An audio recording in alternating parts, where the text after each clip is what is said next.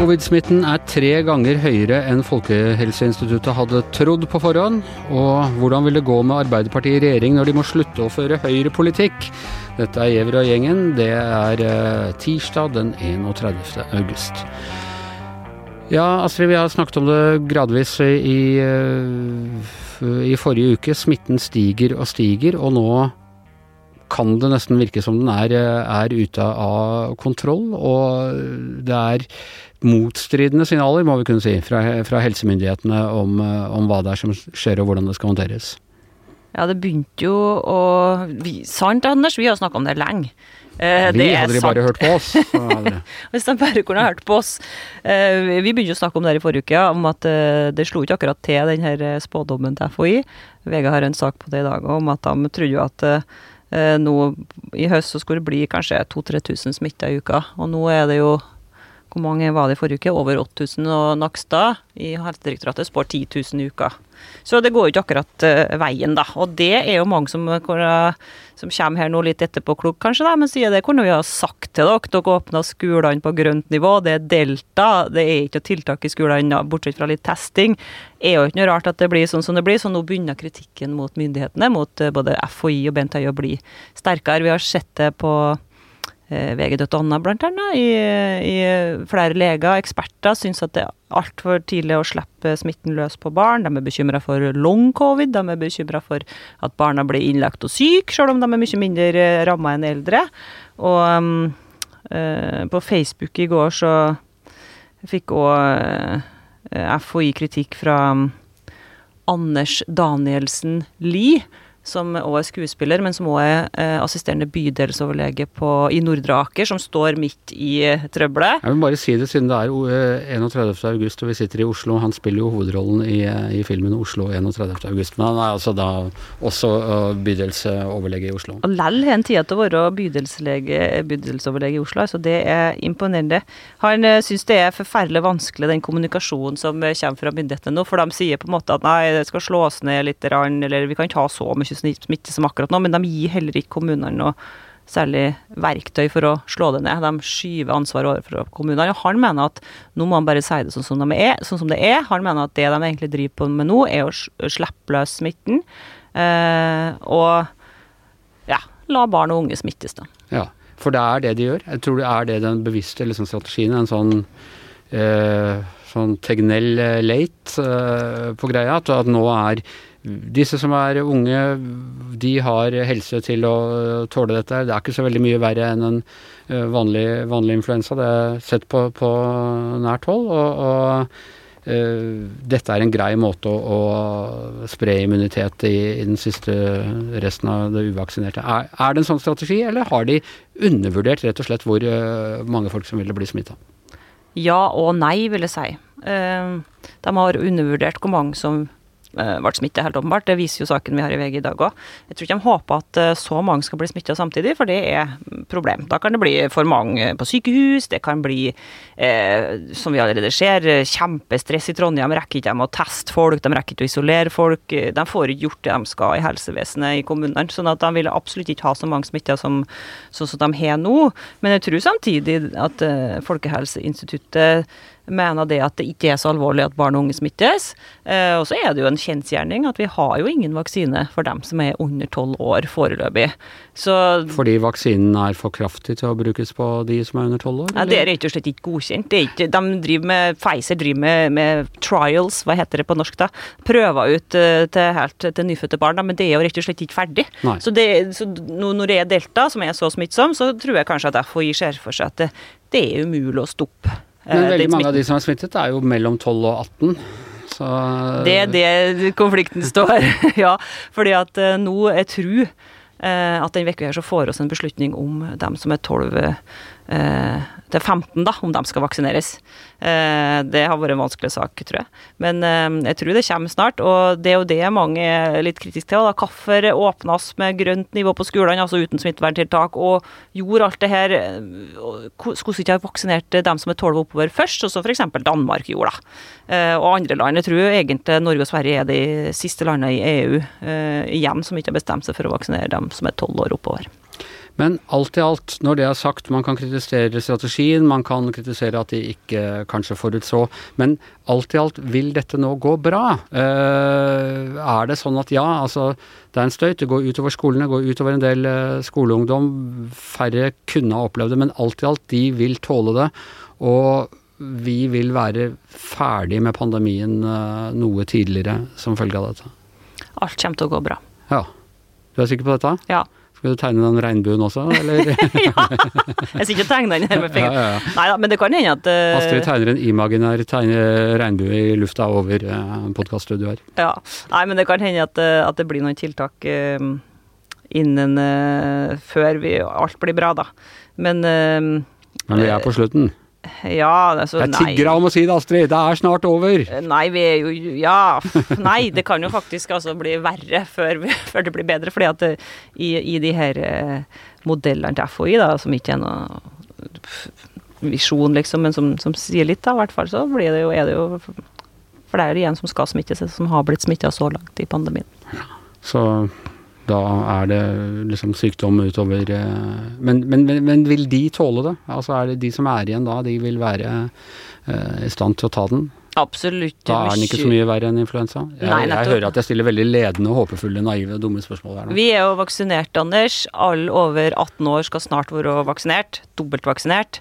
Og det er jo mye mindre sykdom i den gruppa som er yngre. Men når det er fryktelig mange som blir smitta, så er jo to promille, eller en prosent, det er òg innlagte barn. Det er syke barn. Eh, eh, så, så, det kommer til å bli tøft framover, tror jeg. Og de spår jo en vinterbølge, da. Så vi er ikke helt ferdig ennå, nei. nei. Ok, ok. Eh, jeg føler at jeg har pressa deg til å være så positiv som eh, du kan være. Kommer til å gå bra, for vi eh, En podkast for gladnyheter, dette her. Ja, men vi bor i et land der de eh, innfører tiltak hvis det trengs. Ja. Det har vi jo sett før, så det, det skal gå bra. Ja. Ok, eh, da sier vi det sånn. Uh, I dagens uh, utgave av Avisen Verdens Gang så har uh, vår gode kollega Hans Petter Sjøli en, en meget vil jeg si, interessant kommentar. Hever seg litt over den, den daglige sånn valgkampkommenteringen og ser litt på en av de store linjene, et de store trekkene i norsk politikk. Og du siterer en tidligere kommentator i norsk presse som i sin tid sa at Eh, Arbeiderpartiet gjør det aller best når de sitter med makta og fører høyrepolitikk. Det er en litt sånn kynisk sannhet som de vil eh, juble over at innrømmes på, på venstresida, og som Arbeiderpartiet selvfølgelig vil, vil nekte øh, plent for. Men det er vel en sannhet bl.a. Gro Harlem Brundtland Hans Petter, hun dro f.eks. partiet veldig langt til høyre i, eh, i forhold til det tradisjonelle industriarbeiderpartiet det til da hadde vært. Ja, så hun var i hvert fall en del av den derre eh, markedsvendinga på 1980-tallet, som venstresida ynder å kalle nyliberalismen. uh, og det er klart, etter at Arbeiderpartistaten, som jo var en sånn da Arbeiderpartiet dominerte totalt under Gerhardsen og sånn, så, så, fikk det jo en en mer pluralistisk uh, politisk kultur i Norge, da. Og da skifta vi regjeringa med, med jevne mellomrom, og den var enten da styrt av Ap eller av Høyre.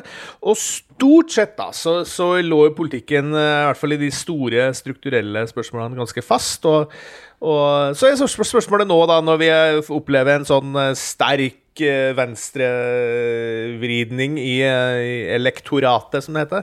Velgermassen. Eh, om, ja, om det vil da påvirke den derre si, den balansemodellen mellom Høyre og Arbeiderpartiet. At, at det kanskje Arbeiderpartiet blir trukket til, til venstre. og Eh, om det nødvendigvis er et stort problem, vi, vi får se. Eh, ja, eh, vi har jo sett det tidligere òg, altså Jens Stoltenbergs første regjering, hvis du tar den venstresideforklaringen på den, den som gikk ganske dårlig, var fordi de satsa på sånn New Public Management, som er et av de voodoo-ordene som, som, man er sintest på på venstresida. Så kom han tilbake i samarbeid med uh, Senterpartiet, et, et, noe mer radikalt Senterparti, eller sånn venstrelenende Senterparti enn det vi har i dag, og, og SV. og da da gikk det mye bedre, og han regjerte i to perioder. Så dette har jo vært en utvikling under oppseiling ganske lenge.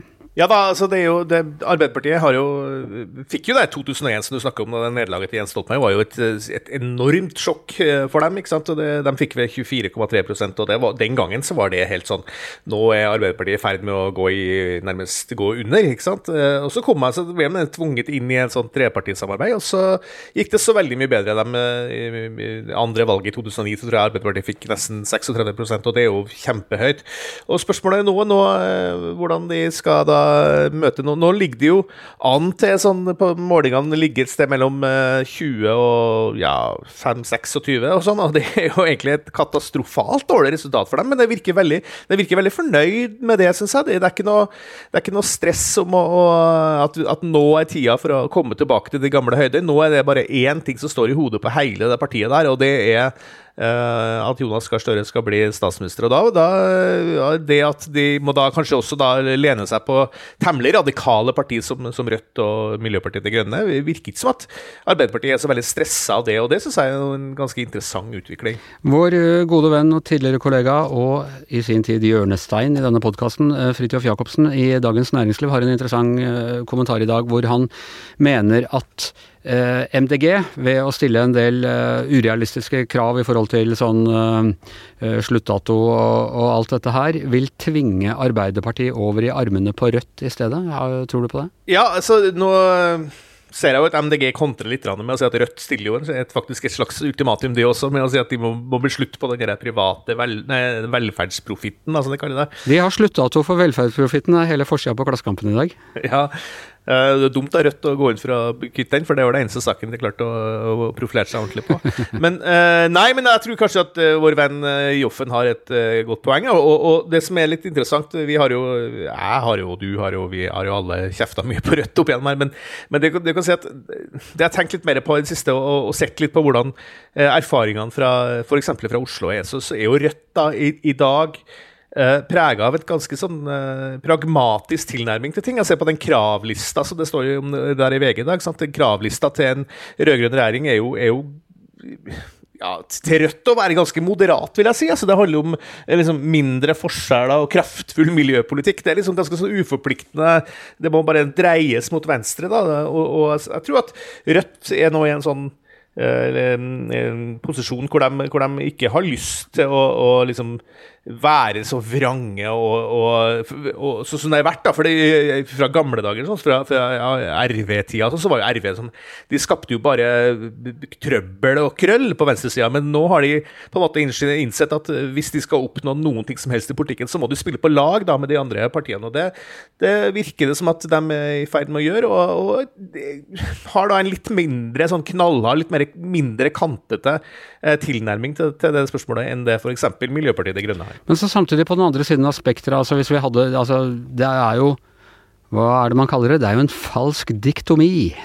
Uh, denne ideen om at det er Høyre og Arbeiderpartiet som er uh, hovedmotstanderne i norsk politikk. De er, uh, som du skriver i kommentaren, de er svært enig i veldig mye av de store spørsmålene. Utenrikspolitikk, industripolitikk, næringspolitikk,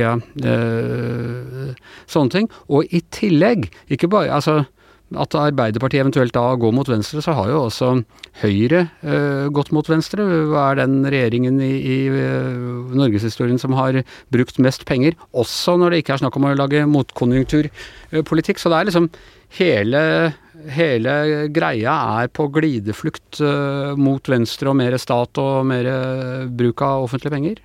Ja, og det er jo et uh, utslag at vi uh, har så inn i granskauen mye penger oppi her. Ja, det, oljefondet vårt er jo helt hva er 12 000 milliarder. altså Det er, det er så, sånne summer som ikke ligner grisen. Så vi har jo, det har jo blitt et aksept for det i Norge over hele spekteret. Men jeg syns det er ganske interessant. altså Høyre var jo eh, et parti som tok inn Frp i, i, regjering. ikke sant? Og Frp var jo et ytterliggående høyreparti i, den, i det prismet vi snakker om, da, ikke sant? Med, med, med Høyre og, og Arbeiderpartiet som, som, som måtte sentrumspartiene på hver sin side. Og det gikk jo eh, relativt greit, i hvert fall for Høyre, fordi Frp er jo, eh, jo halvert nærmest i forhold til hvordan de var i, i tida før regjeringsdeltakelsen, mens Høyre har, har gått opp igjen og blitt det kraftigste, altså det største og mektigste partiet på, på norsk høyreside. Så, så det, det, som jeg prøver å si litt, er at for, for Arbeiderpartiet sin del, så, så for sånne type parti som statsbærende parti, som de kalles, da, litt upresist, eh, så, så kan det være lurt å lytte til mindre partier altså, som har en litt annen rastløshet, en litt annen skal vi si, litt mer, litt mer en radikal edge da, eh, eh, av og til. Og så, er det viser historia at når, når, sånne partier da tilpasser seg eller samarbeider litt tett med, med, de som ligger da til venstre eller til høyre for seg, så vokser de på det i, i lengden. så For Arbeiderpartiets del så tror jeg kanskje at det å forholde seg liksom, på en eller annen måte konstruktivt til den eh, venstre, ytre venstrebølgen vi ser i dag, det tror jeg det er bare en fordel for partiet. Ja. Og kanskje en fordel for høyresida, for da kan de skremme med litt mer eh, bloddryppende bolsjeviker, som jeg husker min gamle tante som stemte Høyre fordi hun var livredd for bolsjevikene, som hun sa, og det, den anledningen byr seg igjen nå. Ja da, og altså, jeg, har noe, jeg, har ikke noe, problem med å skjønne hvorfor høyresida er altså, jeg, er jo ikke Det må jeg jo bare tilstå, jeg syns jo Rødt er et problematisk parti. Men, og det er jo ikke rart at de kjører på det, fordi akkurat samme gjorde jo venstrepartiene da Høyre varsla at de skulle komme til å gå i regjering med Frp. Da var det jo ikke måte på hvor alt skulle gå til, hvor ille alt skal bli. da, Og så går det dagene, og så oppdager man jo at det går jo seg sånn passe til. Det norske systemet er kjempesolid, og institusjonene eh, gjør nå det de alltid har gjort. Og den reelle makta i de tunge, avgjørende spørsmålene ligger i skjæringspunktet mellom Arbeiderpartiet og Høyre uansett. Ellers interessant dette med sluttdatoen. Det er sluttdato for oljen, det er sluttdato for eh, for uh, velferdsprofitt. Er det andre ting vi har Astrid, har du noen forslag til å slutte? Du kan sluttdato for covid-19, når bør vi støtte den? Ja, nei, vi kan jo ta det her og nå. ja. 1. september. Bestemme at det er over. Det var en sånn uh, testdemic. Pingdemic var det, sånn som Trump sa. 1. september, det er jo USA ut av Afghanistan. Den sluttdatoen er, eh, det er tatt, er opptatt. Ja. ja okay, Hva med deg Hans Petter, har du noe forslag til andre, andre sluttdatoer? Litt omstridt den der eh, i Afghanistan. Jeg kunne si at sluttdatoen var, det var kanskje litt brå, kom litt brått på. Oljesluttdatoen er også litt omstridt, vil jeg si. Uh, ja, men det, det, det men bare, må bare få presisere det, da, at det, det de partiene til venstre sier, er jo ikke at vi skal slutte med olje i morgen. De sier at vi skal slutte å lete etter olje. og Det er jo egentlig to litt forskjellige spørsmål. Så, så MDG skal, skal vel slutte sluttdato det hele, skal det ikke? Ja, men først og fremst så handler det om letinga, og det er det også som Rødt og, og SV og sånn snakker om. Så det er litt Men uh, et, et, kort poeng til slutt, bare man må få si det.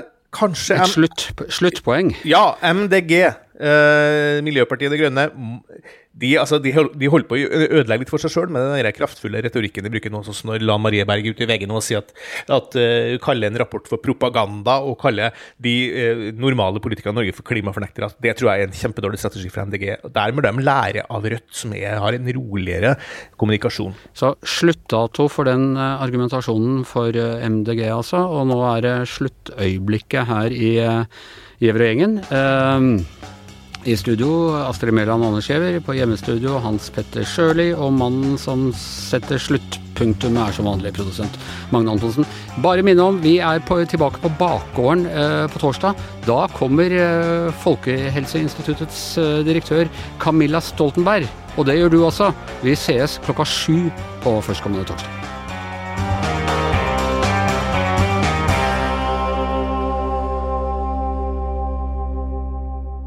Du har hørt en podkast fra VG.